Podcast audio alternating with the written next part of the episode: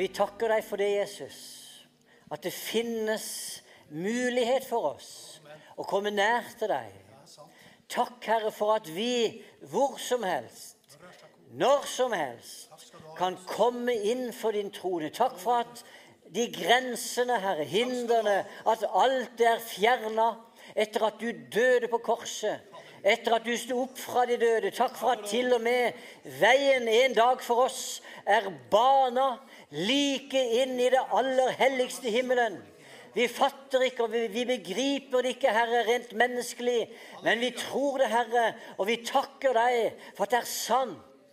Og vi takker deg for at du har gitt oss sånne muligheter i vår hverdag. At vi kan komme inn til ditt hjerte. I Jesu navn. I Jesu navn. Å, det er fantastisk. Dere skal få sitte ned. Men fantastisk med Jesus at vi, vi kan komme tett på hans hjerte. Og Jeg har bare lyst til, lyst til å henstille til det, følge opp litt av det som Elise sa. altså. Men vi, vi opplever virkelig at Herren, Herren er nær. Vi kjenner det også inn på bønnemøtene. Jeg under alle å fordele. Det er under alle å få smaken på det, er under alle å bli oppmuntra og kjenne at, eh, at, Herren tar tak i deg. Vi kan sånn sett ikke komme nærmere. Jeg vet det. Vi, Jesus bor i oss, så han er nær. Men samtidig så går det an å snakke om å komme nærmere likevel. Det går an å snakke om å få mer. For vår Gud, han er så stor og uansett hva vi har erfart, det er bare, et, det er bare noen små drypp av den fylden som er i Gud. Han er så mektig, han er så stor. og Derfor så sier jeg, kom nærmere.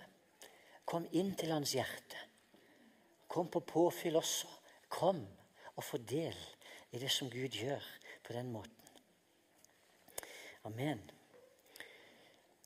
Skal vi åpne Biblene i 1. Korinterbrev kapittel 9? Skal vi lese dette kapittelet sammen?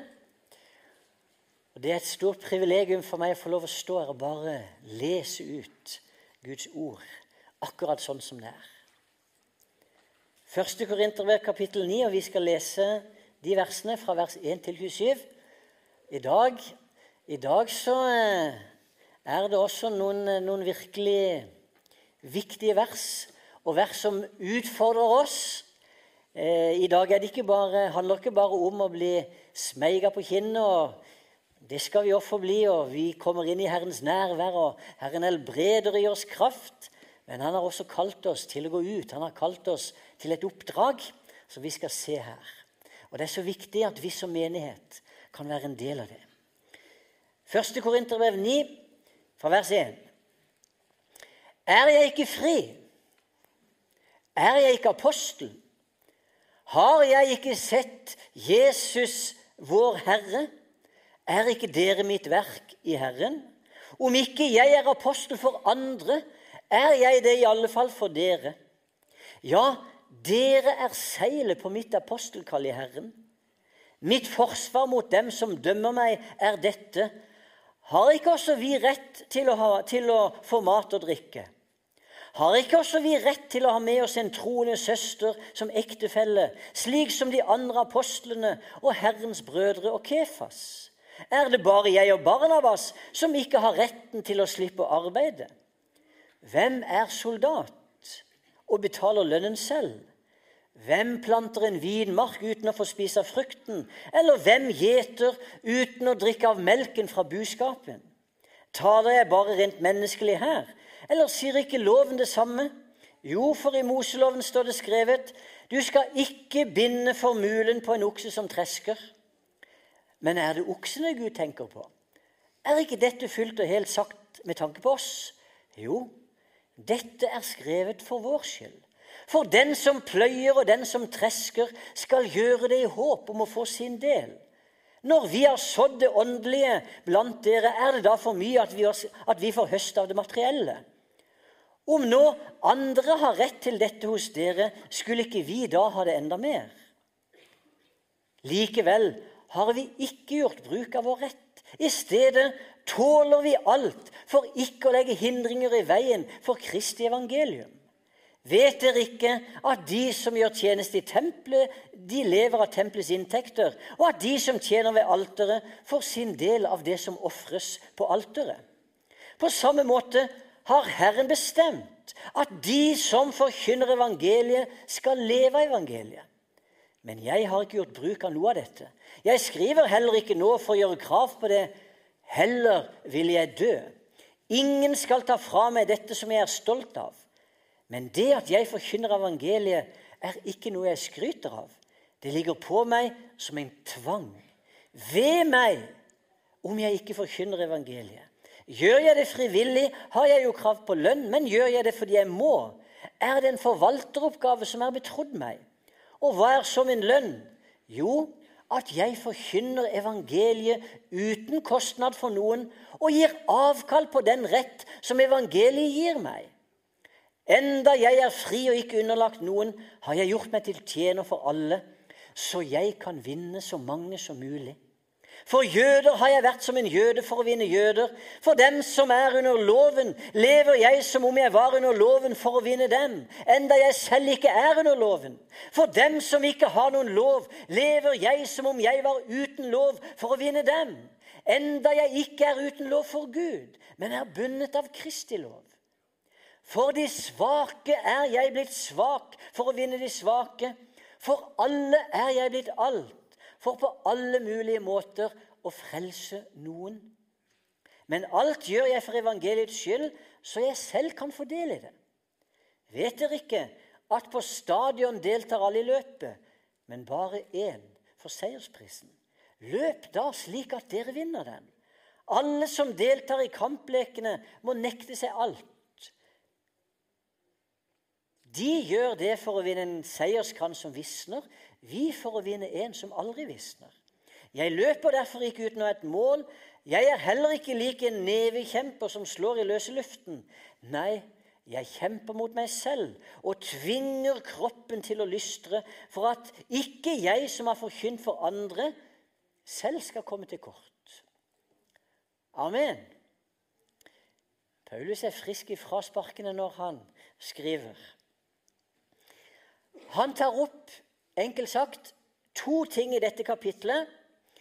I den første delen så snakker han om den lønna og de rettighetene en arbeider i Guds rike har krav på. For han sier det. De som er kalt til å forkynne evangeliet på fulltid, de har også krav på lønn. Og så bruker han ganske logiske eksempler, for han sier hvem er soldat og betaler lønnen selv? Eller hvem planter en vinmark uten at du får spise frukten? Eller hvem er gjeter uten at du kan ta en slurk av melka? Som sauen eller kuene gir. Det er logisk. Og på samme måte, de som gjør tjeneste i tempelet, sier han, de kan jo spise av det som blir ofra i tempelet. Det har vi jo forskrifter om i den gamle pakt. ikke sant? De kom med offerdyr til tempelet, og de som var prester og levitter, de hadde rett til å få det som sin føde. Og de skulle jo også få 10% av det som folk ga. Så det er jo logisk. Og så sier Paulus at på samme måte har Herren bestemt. Han sier på samme måte har Herren befalt, han har gitt pålegg om at de som forkynner evangeliet, de skal leve av evangeliet.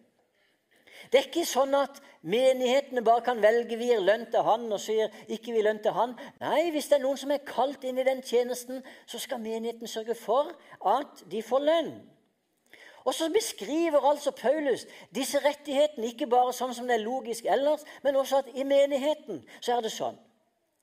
Men så sier han også 'Jeg har ikke gjort bruk av disse rettighetene'.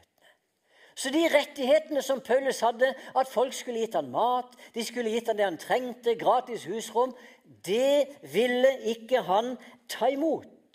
Og Det var jo derfor at Paulus også han valgte å arbeide som teltmaker. Det kan vi lese om noen steder. Han hadde eget, sin egen jobb ved siden av det at han forkynte evangeliet. Han hadde en stolthet i dette.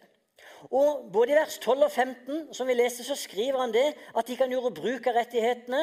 Om nå andre har rett til dette hos dere, skulle ikke vi ha det enda mer? Det var jo han som hadde planta menigheten, hadde lagt ned hele livet sitt for den menigheten. Og så gjorde han ikke krav på rettighetene. Likevel har ikke vi gjort bruk av vår rett, sier han. Og i vers 15.: Jeg har ikke gjort bruk av noe av dette. Og jeg skriver heller ikke nå for å gjøre krav på det. Og så sier han heller vil jeg dø, for ingen skal ta fra meg det som jeg er så stolt av. Han hadde fått noe der som han skulle stå i, og han livnærte seg altså som teltmaker. Grunnen til at han ikke valgte å ta imot lønn fra menigheten, det var sier han, for han ville ikke hindre evangeliets gjennombrudd og framvekst. Og det var viktigere for Paulus at evangeliet utbredde seg, enn at han mottok lønn. Han sier i vers 12.: I stedet tåler vi alt for ikke å legge hindringer i veien for Kristi evangelium. Og Paulus han skriver sterkt her hvor viktig det var for han å forkynne evangeliet. I vers 16-18 så sier han det at jeg forkynner evangeliet, er ikke noe jeg skryter av. Det ligger på meg som en tvang. Derfor kunne han ikke ta imot lønn. Ved meg om jeg ikke forkynner evangeliet, for gjør jeg det frivillig? Har jeg jo krav på lønn? Men gjør jeg det fordi jeg må? Er det en forvalteroppgave som er betrodd meg. Og Paulus han kalte seg jo flere steder for Kristi slave. Ofte oversetter vi det med tjener, men det kan leses så sterkt. Han så på seg selv som en slave av Jesus. Og da var det en forvalteroppgave som var betrodd han. Og hva er så min lønn? Jo, at jeg forkynner evangeliet uten kostnad for noen og gir avkall på den rett som evangeliet gir. Så sterkt var han inne i dette. Og når, de, de, greske ordene her Det er enormt sterke ord. Når han sier det ligger på ham som en tvang, det er som at det er en som driver vold mot ham. Altså han, han bruker et ord som kan høres ut som at, nesten som at Gud driver vold mot ham for at han skal forkynne evangeliet. Gud driver jo ikke vold. Men for at vi skal forstå hvor sterkt Paulus kjente sitt kall, så var det som at, nesten som at Gud måtte tvinge han. Og han sier jo det, det er jo Kristi kjærlighet som tvinger han, men det som kommer fra Gud. Og Derfor er det sånn at Paulus han uttaler til og med vedrop over seg selv. Han sier, 'Ved meg, stakkars meg, måtte det gå meg ille hvis ikke jeg forkynner evangeliet.' Sånn taler han til seg selv. Og vi vet det også andre steder. Paulus sier det. Han var til og med villig til å leve evigheten i helvete. Hvis det kunne føre til at hans landsmenn, jødene, skulle bli frelst. For det var en sorg for Paulus å se ethvert menneske som hørte evangeliet forkynt, og så tok de ikke imot. Han ble nesten fortært av det og hans egne landsmenn, det folket som Jesus Kristus gikk ut fra, som skulle jo tatt imot ham med glede og vært de største pådriverne av det de var på den tiden, noen av de største motstanderne. Men Paulus hadde en sorg i hjertet, og han sa hadde det gått an, så skulle han vært forbanna og skilt fra Kristus hvis det kunne ha hjulpet dem. Hører du? Hvilken nød Hvilken hengivenhet. Og jeg må bare si det. Jeg er ikke i nærheten og har vært så sterkt i det som Paulus. Jeg ønsker å strekke meg mer og mer mot det, men jeg er ikke kommet så langt som Paulus var. Jeg håper du hører hva han sier. Hvordan er det mulig å bli så overgitt til Kristus? Tenk hvilket forhold Paulus hadde til Jesus. Tenk hvor tett han var kommet på Jesu hjerte. Det var ingenting annet som betydde noe. Det var bare mennesker må bli frelst. Mennesker må bli frelst. Mennesker må få del i det viktigste i livet. Det var derfor han eksisterte. Og det er dette, den første delen av, første, av kapittel 9, her, vers, versene 1-18, det er det det handler om. Og det er også innledningen til det som er den neste delen, som handler om den iveren Paulus hadde for at mennesker skulle bli frelst. Og det er det jeg skal tale om i dag. Tittelen som jeg har satt på dagens tale, det er 'En til for Jesus'. En til for Jesus. Og versene 19-27 de handler om to ting. For det første hvordan kan vi vinne så mange som mulig for evangeliet? Og Den siste halvdelen handler om hvordan skal vi leve for at vi skal bli frelst?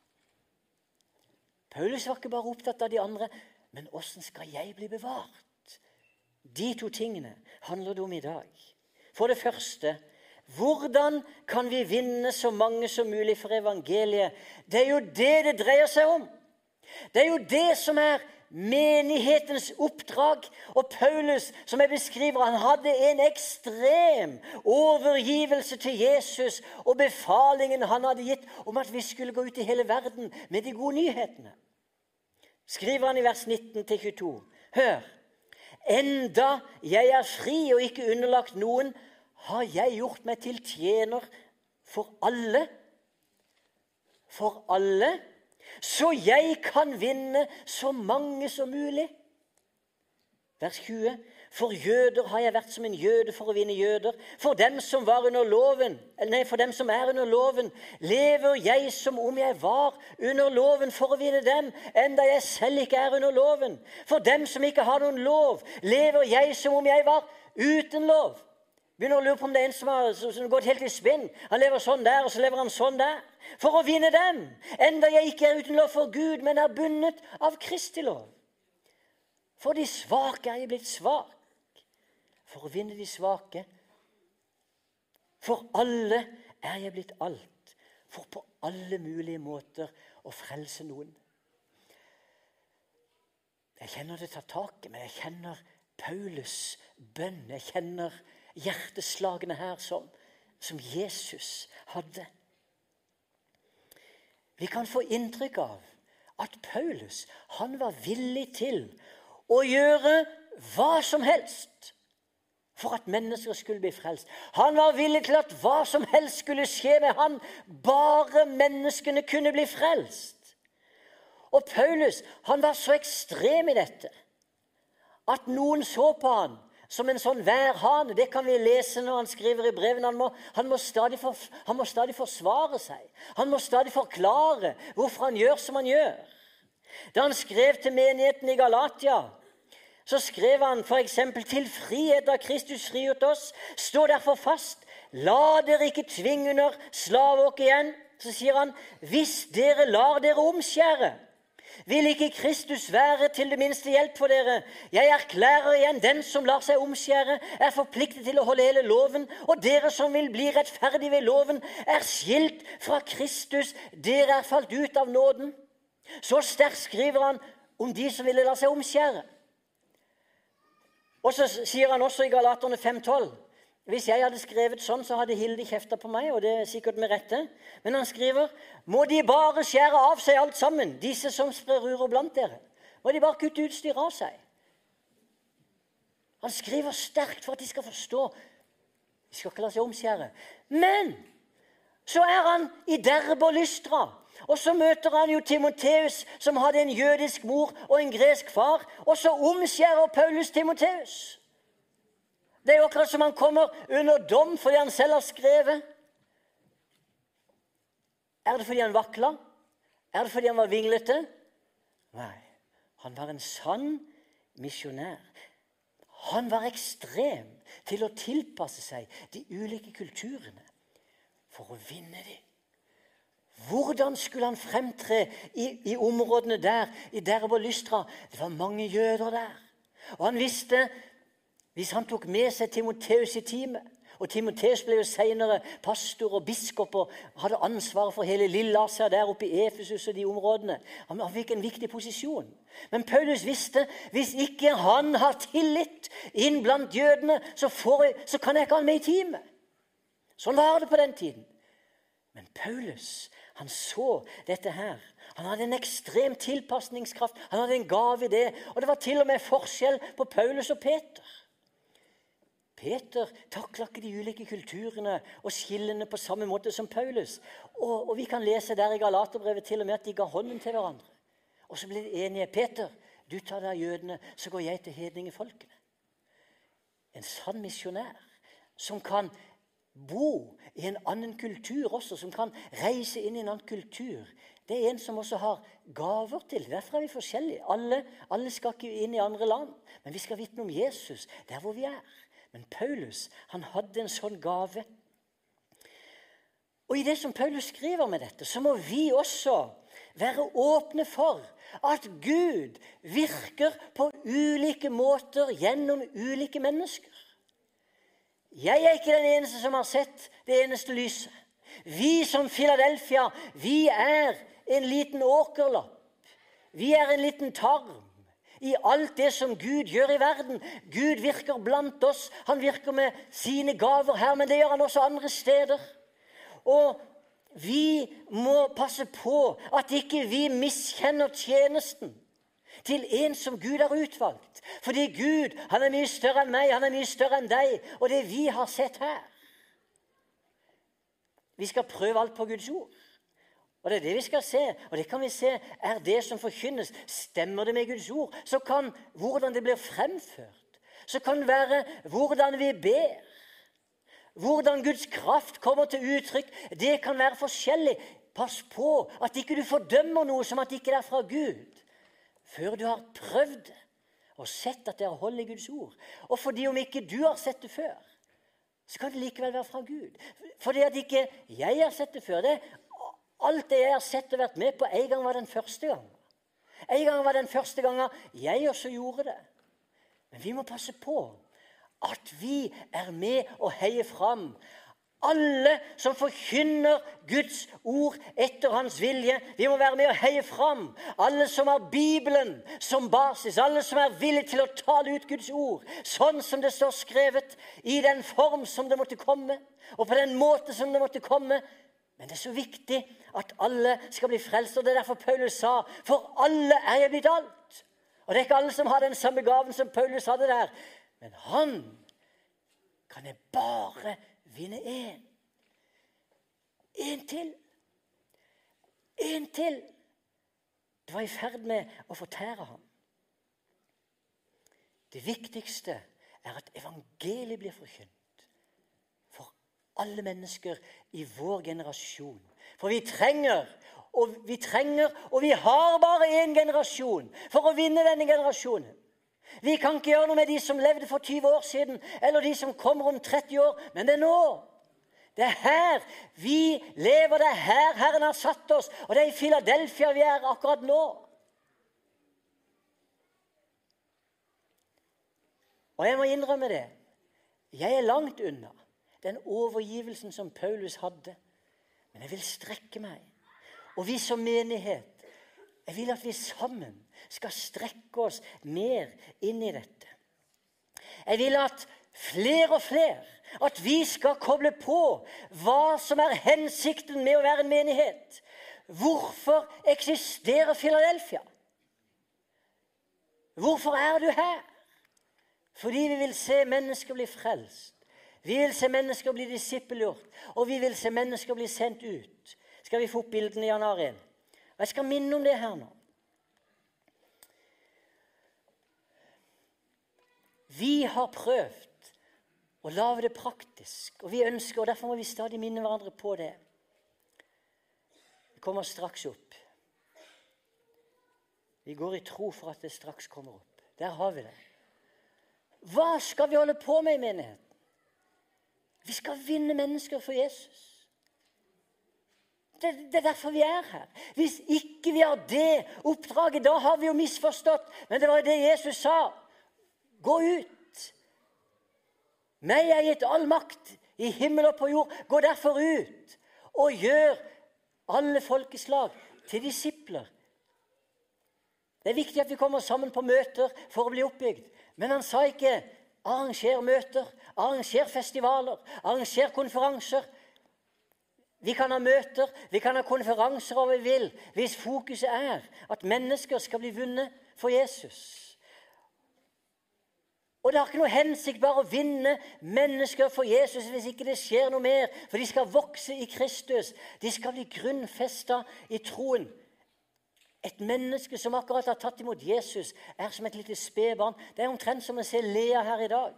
Hva hadde hun vært hvis ikke det var for foreldrene? Hun hadde ikke kommet opp her selv.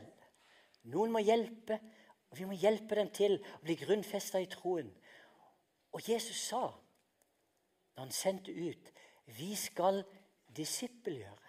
Og Noen ganger er det oversatt, det er oversatt i de norske biblene at vi skal gjøre folk til disipler. Da tenker vi ok, nå har vi en, har vi en prosess, og så blir de gjort til disipler. Men det er ikke sånn det står på gresk. Står at de skal disippelgjøre. Vi skal holde på å disippelgjøre hele tiden. Alle trenger vi å være i en sånn prosess. Det er noe som varer hele livet. Det er ikke sånn at nå har vi gått gjennom et kurs eller sånt, og så er jeg blitt en disippel. Sånn kan man få inntrykk av i oversettelsen. Men Jesus sendte oss ut for å disippelgjøre.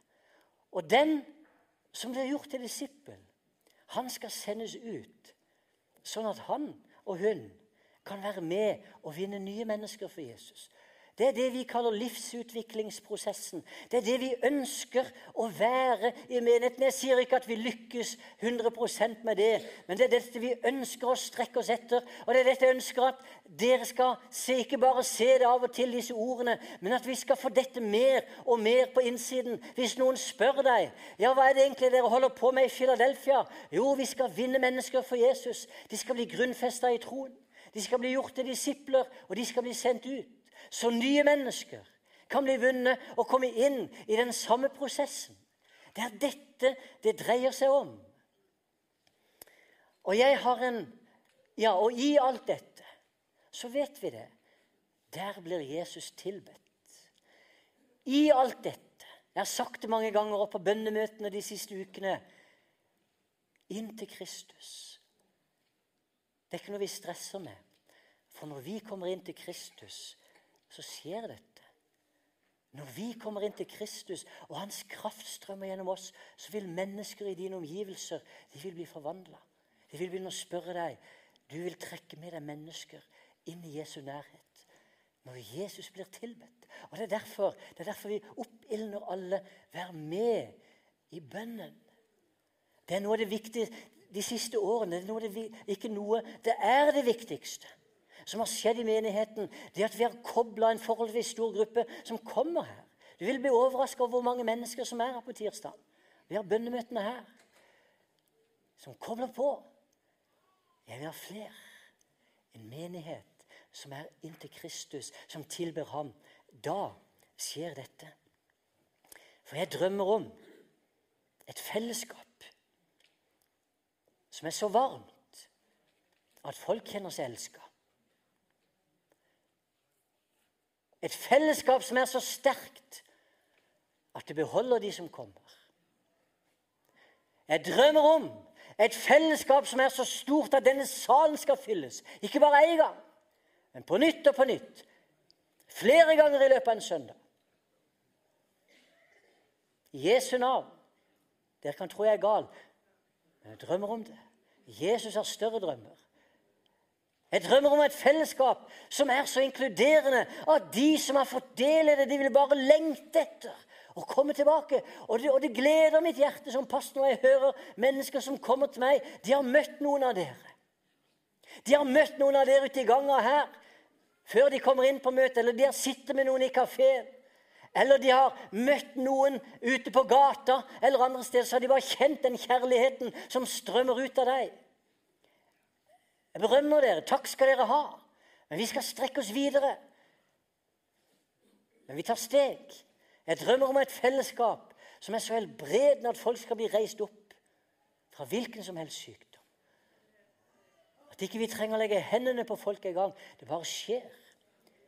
Fordi Jesus er her. Vi har, vi har sett det noen ganger. Dere vet hva jeg snakker om. Vi har opplevd det på bønnemøter. Vi har opplevd det. Det bare skjer. Inn her også. Det skjer.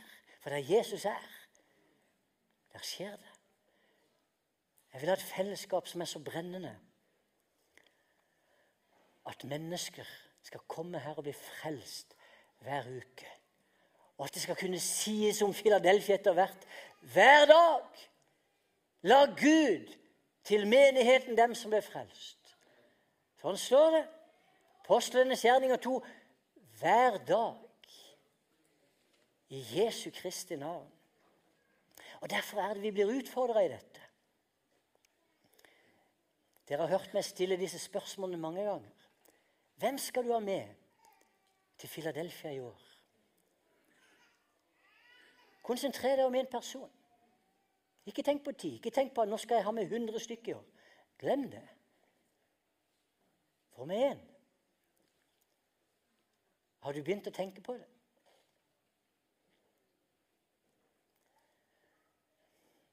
Har du begynt å be? Om du syns det er vanskelig og ikke alltid vet hvordan du skal si, ting, men alle kan be. Og derfor er det Vi skal be i dag òg. Vi gjorde det ikke i stad, men vi skal be her etterpå. Navnene som er skrevet i biblene våre. Det er viktig. Og har du ennå ikke gjort det, ta det på alvor. Vær så snill. Og Dere som sitter og ser på og hører også, sørg for at det er minst én person som er skrevet på et navn i din bibel, som du ber for. Har du begynt å invitere? Vi blir utfordra i dag. Fordi vitnesbyrdet om Paulus det er så sterkt. Det var dette han levde i. For hvis ikke vi lykkes med, med, med oppdraget Jesus har gitt oss, så vil mennesker gå fortapt. Derfor var det Paulus var så ivrig. Og derfor var det han var desperat. Og jeg tror vi kan be om det. Våg å be om det, at Herren skal gi deg mer desperasjon. Vi er ikke alle, vi er ikke alle like. Vi er forskjellige, og vi har forskjellige gaver. Men at vi kan stå sammen i dette. Være desperate. Og jeg kjenner det når jeg får lov å løfte fram det igjen. Når jeg sitter med Cecilie og med Victoria. De skal dele På bønnemøtet til tirsdag skal de dele fra sin siste evangeliseringstokt til Haugesund. Men når de sitter på mitt kontor Jeg kan kjenne, jeg kjenner det, det, det er så de står og spinner. Og vi trenger sånne mennesker. Vi trenger gatekirker og med Øyvind og Liv Jorden og alle de 20-25-30 som, som, er med ut. Vi, vi, trenger det, for det er med på å føre forsamlingen videre. Ikke at alle, alle er ikke med ut der, men det gjør oss bevisste. Så Derfor trenger vi de gavene i menigheten som er med og setter fokus. For det er det som er Jesu oppdrag. Gå ut. Vi skal vinne mennesker. Og Paulus var villig til å, å gi alt. Og jeg vet jeg har utfordra før her, for jeg ber en sånn bønn. Og jeg utfordrer dere til å be en sånn bønn. Jesus, la det skje med meg som fører til at flest mulig mennesker blir frelst. Er du klar for å be en sånn bønn? Du må ikke be hvis ikke du er klar, men utfordre deg litt. Jesus, la det skje med meg, som fører til at flest mulig mennesker blir frelst.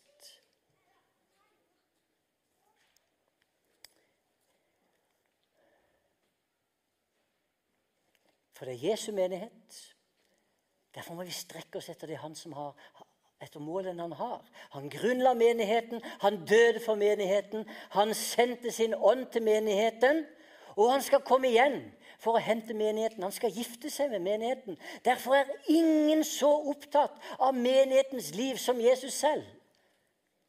Det er kona hans. Det er litt kleint for oss menn å tenke sånn, men i dette så, så klarer vi det. Det er vanskelig å si at vi er en brud, men vi er det. Kristi brud.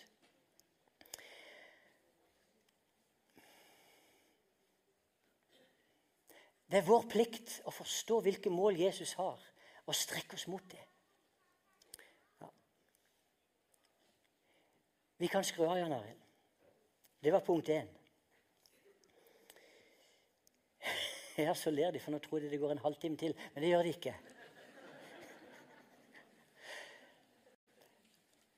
Men Paulus hadde en brann for at mennesker skulle bli frelst. Men det andre punktet det er like viktig som det vi har snakka om nå.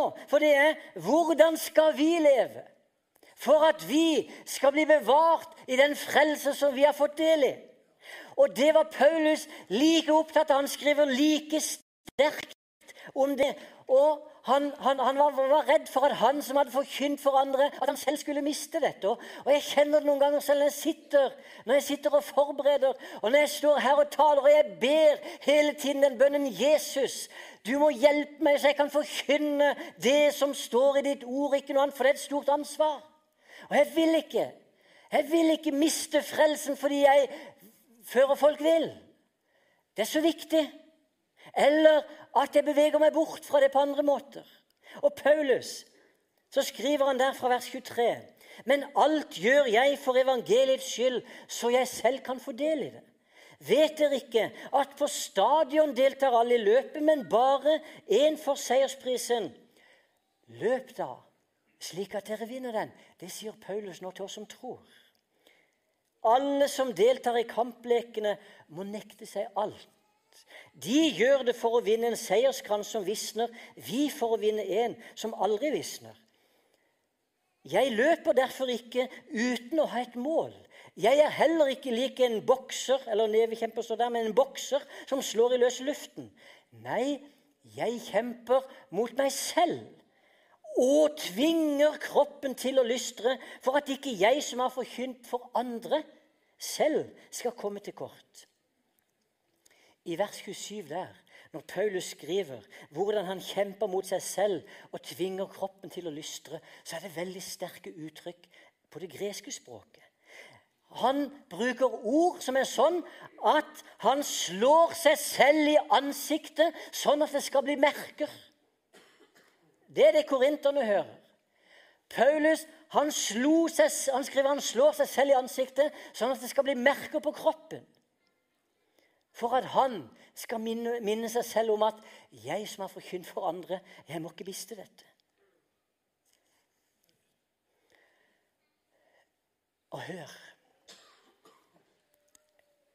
Et par søndager så har jeg talt om sterke tekster i første Korinterbrev. Kapittel 5, kapittel 6, kapittel 7. Når Paulus snakker om ta oppgjør med hor. Ta oppgjør med synden. Og Derfor må vi, må vi huske det. Sørg for at når vi har tatt imot Jesus, så lever vi borte fra synden. Og Jeg utfordra konkret. Jeg sa det når det gjelder samliv og sånt. Jeg talte ut tydelig for et par-tre ganger siden. Det er viktig å få orden på det. De som fortsatt lever i samboerskap, finn ut av dette. Bli gift, osv. Kjærester som ikke har levd rent, kom til Jesus og bli tilgitt. Og sørg for at du kan leve det nye livet etter hans vilje. Vi har talt om det. Ekteskap. Sørg for at ekteskapene blir bevart. Sørg for at de ekteskapene blir gjenoppretta. Det er så viktig. Det er dette vi har hatt oppe her nå noen av de siste søndagene. Og i dag så skal jeg gjøre noe. Jeg skal gjøre noe spesielt nå som det er sjelden jeg gjør i en tale. Jeg tror faktisk det er første gang.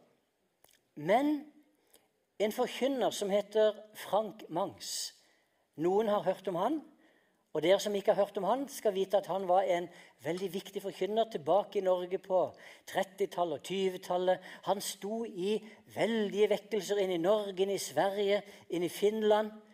Misjonsforbundet Misjonskirka, som noen kjenner, de har jo kommet ut av denne vekkelsen. Men like før Frank Mangs han var, rundt, han var godt over 90 år da han døde. Så våkner han en morgen, og så får han seg et syn. Og han sier det er like klart som at han, han var i det. Det var et helt klinkende klart syn. Og det skrev han ned, for det kom en sånn nød over han. Og den nøden, den tror jeg er for oss i dag. Så nå skal jeg lese det som Frank Mangs skrev ned, som han så, og som en vekker til oss i dag. det er litt alvor over dette, men vi trenger dette alvoret. Fordi dette er viktig. Gud elsker deg. Og Derfor skriver til og med Paulus, jeg har sitert det her før Gud han, han straffer oss nå. Han, han, han, holder oss fast nå, sånn at ikke vi skal gå fortapt sammen med verden. Derfor er det han taler til hjertene. Derfor er det han vil at vi skal leve i omvendelse. Hør synet til Frank Mangs. Jeg så en vei, skrev han til overskrift. Det hendte tidlig en morgen for en del år siden Uten å tenne lyset dro jeg opp rullegardinen og slo meg ned ved skrivebordet. Ute var det grålysning. Egentlig tenkte jeg ikke på noen ting. Jeg var bare til å lytte til det stille bønneshuset i mitt indre. Da skjedde det. For mitt indre øye så jeg plutselig en vei. Ikke en bilvei, men heller ingen sti. Det var mer som en gangvei noen få meter bred. Det var ikke noe syn. Jeg var ikke i transe eller henrykkelse. Jeg var helt våken. Og enda så jeg veien så tydelig og klart at jeg når som helst kan se bildet foran meg. Jeg så at veien begynte ved en trang port, og at den sluttet i herlighetens verden. Langs nei, langs midtpartiet lå en lysstråle som synes å komme fra en lyskilde som jeg aldri hadde sett før. På sidene var det stuvende mørkt. Veien hadde ingen grøfter eller veimerker. Grensen gikk i det konturløse området der lyset og mørket møttes. Grensen var tåkete og utydelig.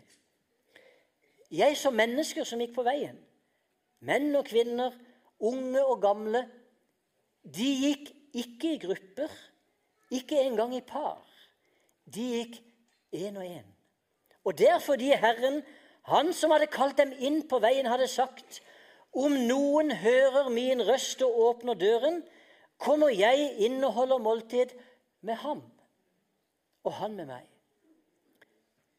Den som følger Jesus, begir seg inn i et rom som er reservert nettopp for den enkelte dit verken kan eller får noen andre komme. Menneskene på veien var kledd i hvite klær, blendende hvite. De ble jevnlig fornyet. Ikke fordi de ba om det eller lengtet etter renhet, men fordi de gikk midt på veien, rett under strimen av overnaturlig lys. Renselsen i Jesu blod var en konstant pågående prosess. Jeg så ansiktene. Det var lys over dem. Selv om mange var merket av alder, sorg og sykdom, skinnet var både et gjenskinn av det overjordiske lyset og en utstråling av menneskenes indre. Helst hadde jeg fulgt dem med øynene like hjem, men det lot seg ikke gjøre. Jeg måtte vende blikket mot veiens begynnelse og den trange porten. Der så jeg en stor flokk som hadde stanset. De stoppet opp før de nådde gjennom porten og inn på veien. Det merkelige var at mange av dem syntes å være glade. De var glade fordi de trodde de var på veien, enda de aldri hadde gått gjennom den sanne omvendelsens trange port. Det verste av alt var at midt blant dem fantes det skikkelser med prestekjole, pastorkrage og evangelistdress. Jeg så skyggen av mitt eget bilde i flokken. Vi som kaller oss forkynnere, vi har fuska. Vi er kalt til å være levende formidlere av livet fra Gud. I stedet har vi blitt religiøse pratmakere. Fordi de en gang ble døpt, har vi garantert menneskers salighet. Vi har garantert at søkende sjeler har blitt født av Ånden, skjønt det bare var menneskelig påvirkning. Vi har sagt at de er Guds barn bare fordi de er snille. Vi er blitt religiøse kvakksalvere som har overbevist søkende om at de er født av Gud. Men sannheten er at de bare er vekket. Dermed har vi avbrutt den åndelige fødselsprosessen. Resultatet er at det i dag finnes mange mennesker som tror de er på vei til himmelen, men som ikke er det. Jesus sa det skulle bli slik i denne tidsalders aften. Da skal himmelriket være likt Ti brudepiker som tok lampene sine og gikk ut for å møte brudgommen. Fem av dem var uforstandige og fem kloke. For de uforstandige tok med seg lampene sine, men ikke, ikke olje. Ingen olje, ingen ånd. Og intet åndelig liv i funksjon. Bare formene og utseendet. Navnet og bekjennelsen. Og de trodde det var nok.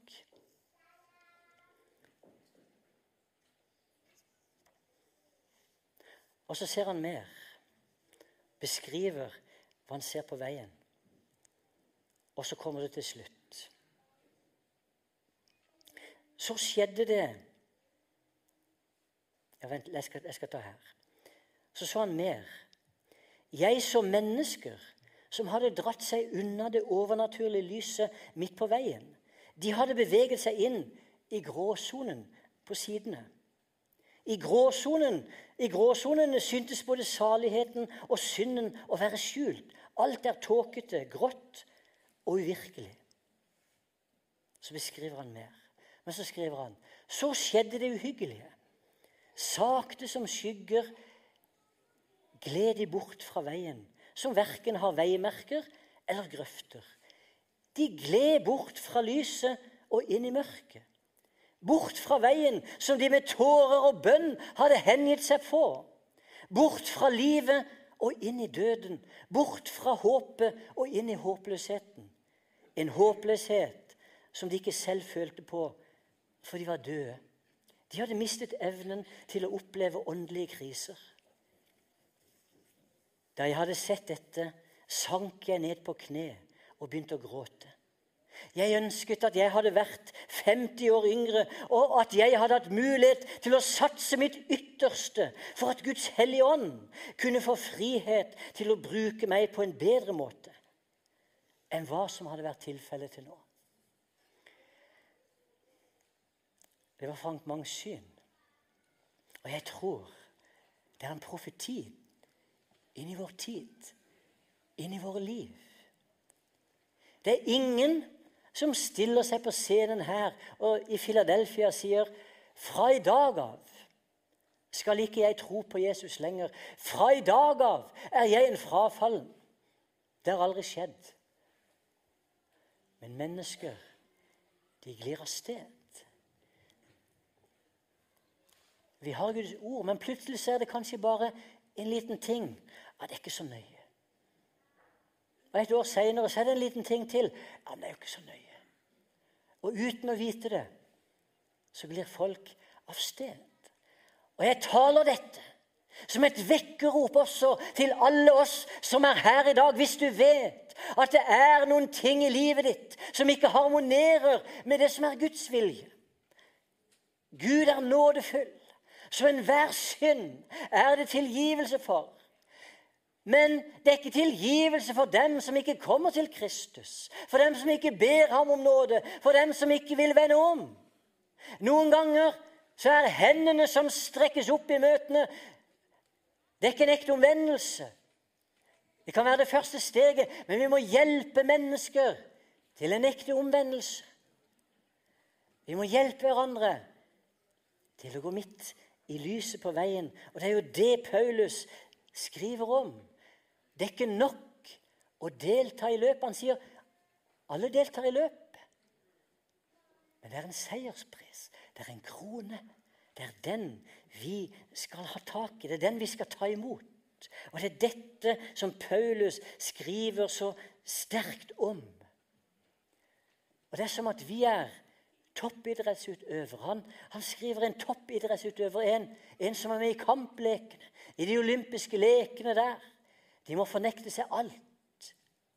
Og Jeg leste en undersøkelse de gjorde blant amerikanske toppidrettsutøvere for en del år tilbake. Og Da stilte de spørsmål omtrent sånn som dette. Hvis det fantes et middel i verden som gjorde at du kunne vinne olympisk gull, men dø like etterpå, hadde du tatt det middelet? Og det var en ganske stor prosent som svarte ja, det hadde det. Så mye kan et olympisk gull, eller så mye kan ting i denne verden bety for oss mennesker. Hvor mye mer skulle ikke da vi komme inn i det? Hvis en toppidrettsutøver han fornekter seg alt Det er dette som Herren kaller oss til i dag. Det er ikke alt vi taler om, men i dag så er det det det dreier seg om. De som trenger trøst, de som trenger omsorg, de skal fortsatt komme for omsorg. Men i Guds ord så er det også tider der vi får et spark i baken. Og Jesus, da han ba til sin far om at han skulle drive ut arbeidere i Matteus 9 Det greske ordet som brukes der, det er Ekbalein. Det er det samme ordet som brukes når Jesus kasta ut de onde åndene. Og når Jesus ba til sin far, så, så sa han, han sa at vi skulle be til vår far i himmelen om at han skulle kaste ut arbeidere. At han skulle sparke ut arbeidere for å høste inn grøden. For det er mennesker der ute som trenger evangeliet. Skal vi stå opp? Raymond, dere må komme fram også.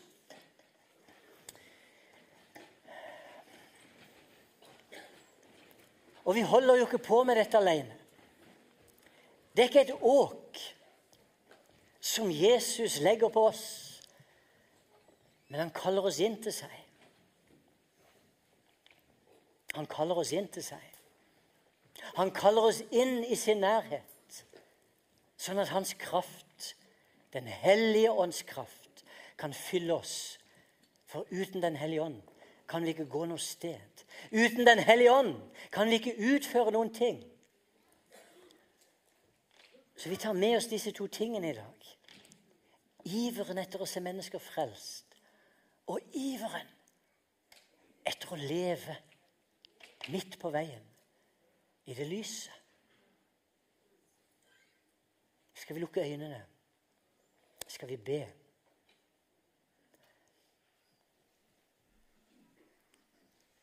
Herre, jeg kjenner det. Akkurat nå så står vi på hellig grunn. Akkurat nå, Herre. For det er så sterkt, det som står i ditt ord. Det som din tjener Paulus løfter fram, Herre. Vi, vi kjenner det, røkker tak i oss. Og vi ber, Herre, ikke ta det bort. Men vi ber om at du skal forøke trangen i oss til å vitne. Vi ber om at du skal forøke trangen i oss til å leve et hellig liv, til å leve i renhet, i din nærhet, til å ta oppgjør med synden, til å være villig til å avstå fra synden uansett hva det koster. Uansett hva det medfører, Herre. Men det skal være så viktig å følge ditt ord at alt annet blir uviktig. Herre, vi ber om at du skal forøke dette i oss. Ikke ta det bort, men jeg ber om at du kommer, Hellige Ånd, og rører ved oss akkurat nå. Skal vi synge en sang, Raymond? Så er vi innenfor Herren her nå. Så er vi med. Ute den himmelske losen og bord tumler min livsbåt omkring uten ro. Tårnhøye bølger om båten min slo. Mitt av mørke, alene jeg sto.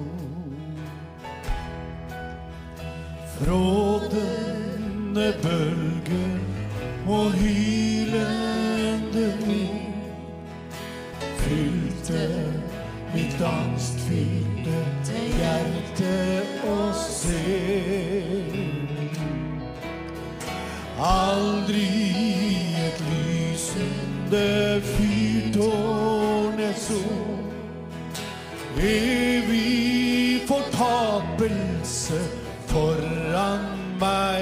lå. Nærmere, nærmere brenningens brus. Håpet om redning og sunket i grus. Da kommer Jesus. Da kommer Jesus, den himmelske los. Endre min livsbåt, for forandret min kurs. Jesus utslettet min synd, mine feil. Ga meg en ny båt med ror og med seil. Takk og lov. Fremad jeg stevner mot himmelske strand. Snart er jeg framme, snart går jeg i land.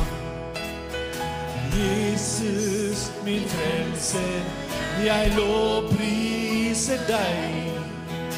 Takk at du frelste en synder som meg. Stormen har stillet, stormen har stillet, mitt hjerte har fred. Losen fra himmelen i båten er med. Arne, spill lite grann.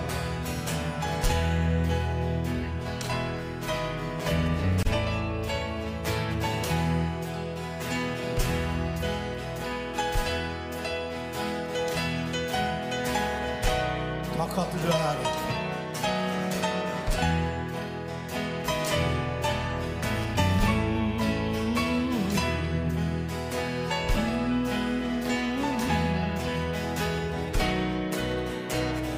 Jesus min frelser. Jesus min frelser, jeg lovpriser deg. Takk at du frelste en synder som meg. Stormen har stille, mitt hjerte har fred.